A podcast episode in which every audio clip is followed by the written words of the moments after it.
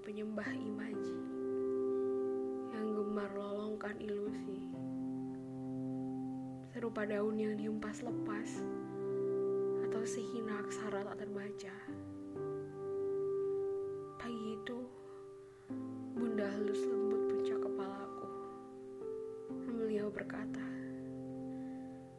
sendu memang begitu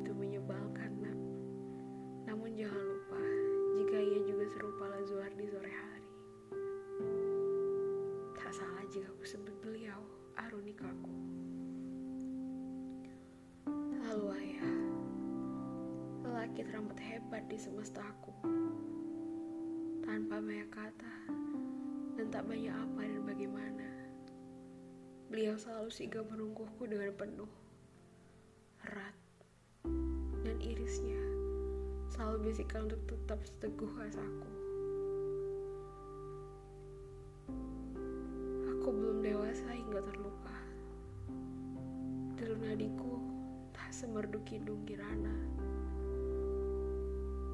Biarkan langkahku merayu. Memang tak seliar mirip mereka. Namun ia mendayu dengan pasti. Wahai Kanigara,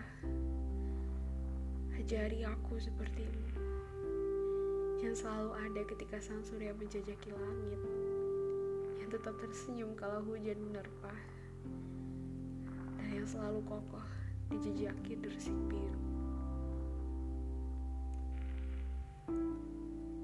Kanigara